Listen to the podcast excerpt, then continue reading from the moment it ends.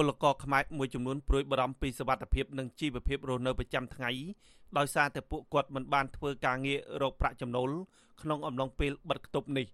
ពលករធ្វើការសំណង់នៅក្នុងទីក្រុងបាងកកលោកឈុនសុខឿនប្រាប់វិទ្យុអាស៊ីសេរីនៅថ្ងៃទី28មិថុនាថាអាញាធរថៃបានដាក់កម្លាំងប៉ូលីសនិងទាហានជាច្រើនអ្នកបិទគប់មិនឲ្យលោកចាក់ចេញពីកន្លែងទៅធ្វើការនៅឡើយពលករវ័យ40ឆ្នាំរូបនេះ បានបន្ថែមថាវិធានការរបស់អាជ្ញាធរថៃនេះបានប៉ះពាល់យ៉ាងខ្លាំងដល់ជីវភាពរស់នៅរបស់ពលករខ្មែរ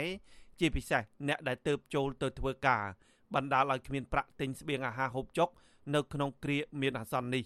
គេចាប់ផ្ដើមបិទពីថ្ងៃហ្នឹងតែម្ដងពីល្ងាចមិញឃើញគេយកទាហាននិងតម្រួតមកដាក់តែគេអត់ទាន់ទប់ទេតែចាប់ផ្ដើមថ្ងៃនេះគឺជុំបីតែចេញទៅសវិនគេអត់ឲ្យទៅតែម្ដងបាទទៅតែគេបិទក្លឹបអញ្ចឹងយើងអត់ទាន់ដឹងថាយ៉ាងម៉េចចាំមើលសិនបាទការងារក៏មិនអោយធ្វើហើយក៏មិនអោយចេញទៅណាទៀតផងគឺក៏ឲ្យយើងនៅតែក្នុងខេមហ្នឹងអញ្ចឹងហើយបានថាដែលបញ្ហាហ្នឹងគឺជាបញ្ហាមួយដែលធ្ងន់ធ្ងរចំពោះបងប្អូនយើងដែលនៅទីនេះបាទហើយក៏ដូចជាទីកន្លែងផ្សេងៗកន្លែងដែលគេបិទគប់ហ្នឹងគឺមានបញ្ហាធ្ងន់ធ្ងរតែម្ដងបាទ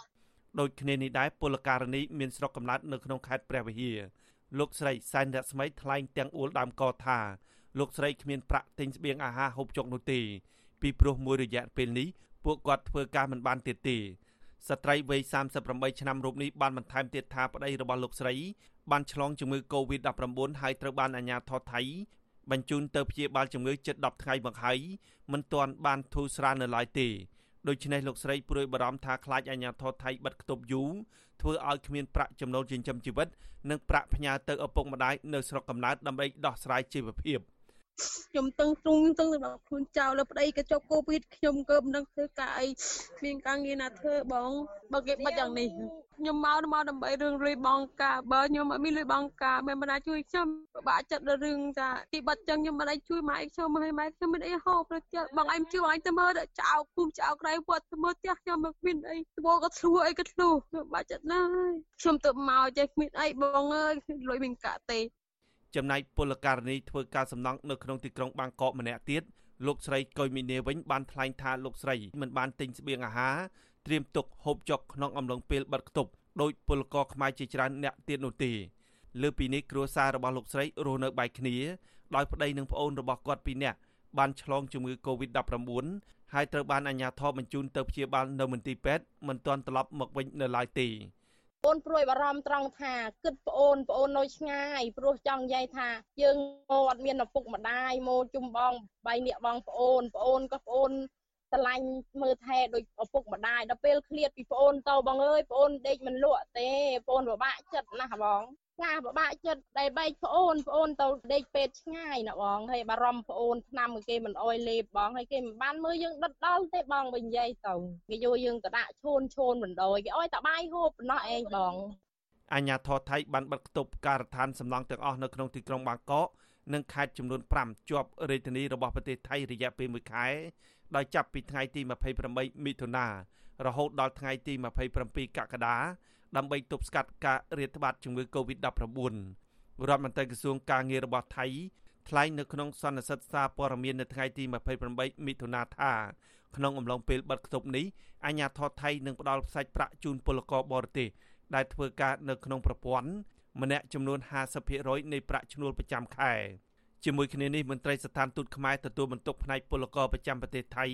លោកកឹមចម្រើនបានមហោសារនៅក្នុង Facebook របស់លោក នៅព្រឹកថ្ងៃទី28មិថុនាថាការបិទគប់នេះដោយសារតែអាជ្ញាធរថៃបានរកឃើញថាការរាតត្បាតនៃជំងឺ Covid-19 ភាគច្រើន នៅក្នុងការដ្ឋានសំណង់លោកបានបញ្ជាក់ថាវិធានការនេះអាជ្ញាធរថៃបានដាក់ពង្រាយកម្លាំងសមត្ថកិច្ចហាមឃាត់ដាច់ខាតមិនឲ្យពលករណាម្នាក់ចេញពីកន្លែងទៅធ្វើការនោះទេបន្ថែមលើពីនេះលោកថាអាជ្ញាធរថៃក៏បានដាក់ប៉ុស្តិ៍ត្រួតពិនិត្យតឹងតែងនៅខេត្តជាប់ទីក្រុងបាងកក ដើម្បីត្រួតពិនិត្យសុខភាពអ្នកធ្វើដំណើរផងដែរលោកអំពីវនីវឲ្យពលករទាំងអស់មានការប្រុងប្រយ័ត្នហើយត្រូវអនុវត្តតាមការណែនាំរបស់អាជ្ញាធរថៃឲ្យបានខ្ជាប់ខ្ជួនដើម្បីឲ្យរួចផុតពីការឆ្លងជំងឺដ៏កាចសាហាវនេះទោះជាយ៉ាងណាក៏ដោយមន្ត្រីទទួលបន្ទុកផ្នែកពលករនៃអង្គការសង្ត្រាល់លោកឌីទេវយ៉ាមានប្រសាសន៍ថាពលករខ្មែរដែលធ្វើការក្រៅប្រព័ន្ធនឹងរងផលប៉ះពាល់ពីការបិទគប់នេះពីព្រោះពួកគេភ័យច្រើនធ្វើការដោយខុសច្បាប់ មន្ត្រីសង្គមស៊ីវិលរូបនេះបានបញ្ជាក់ថាថកែជនជាតិថៃបានឆ្លៀតឆក់យកឱកាសនេះបញ្ឈប់ឬបណ្ដេញពលករចេញពីការងារដោយមិនបង់ប្រាក់ឈ្នួលជូនពួកគាត់វិញនៅឡើយ។ វាពិតណាស់ដែលគាត់ត្រូវប្រឈមអំពីការមិនអើពើមិនទទួលខុសត្រូវពីតកែជាដើមអញ្ចឹងហើយការព្រួយបារម្ភគាត់ហ្នឹងមិនខុសទេព្រោះដោយសារតែជាបទពិសោធន៍ពួកគាត់ហ្នឹងគឺរងគ្រោះអញ្ចឹងបាទគឺផ្នែកមួយគឺពាក់ព័ន្ធនឹងការរស់នៅការហូបចុកប្រចាំថ្ងៃមួយទៀតគឺពាក់ព័ន្ធនឹងសុវត្ថិភាពតាមស្ដាប់ទៅនៅតាមការងារតាមសំណង់នេះដូចជាមិនសូវយកចិត្តទុកដាក់ក្នុងការមើលថែ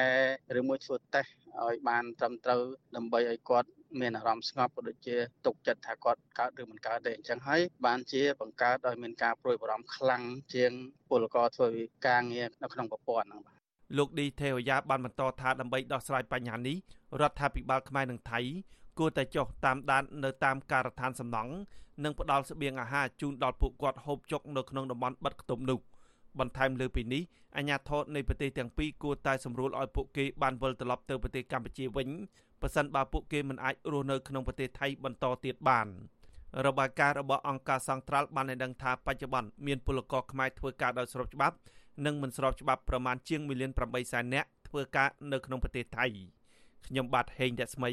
អាស៊ីសេរីពីរដ្ឋធានី Washington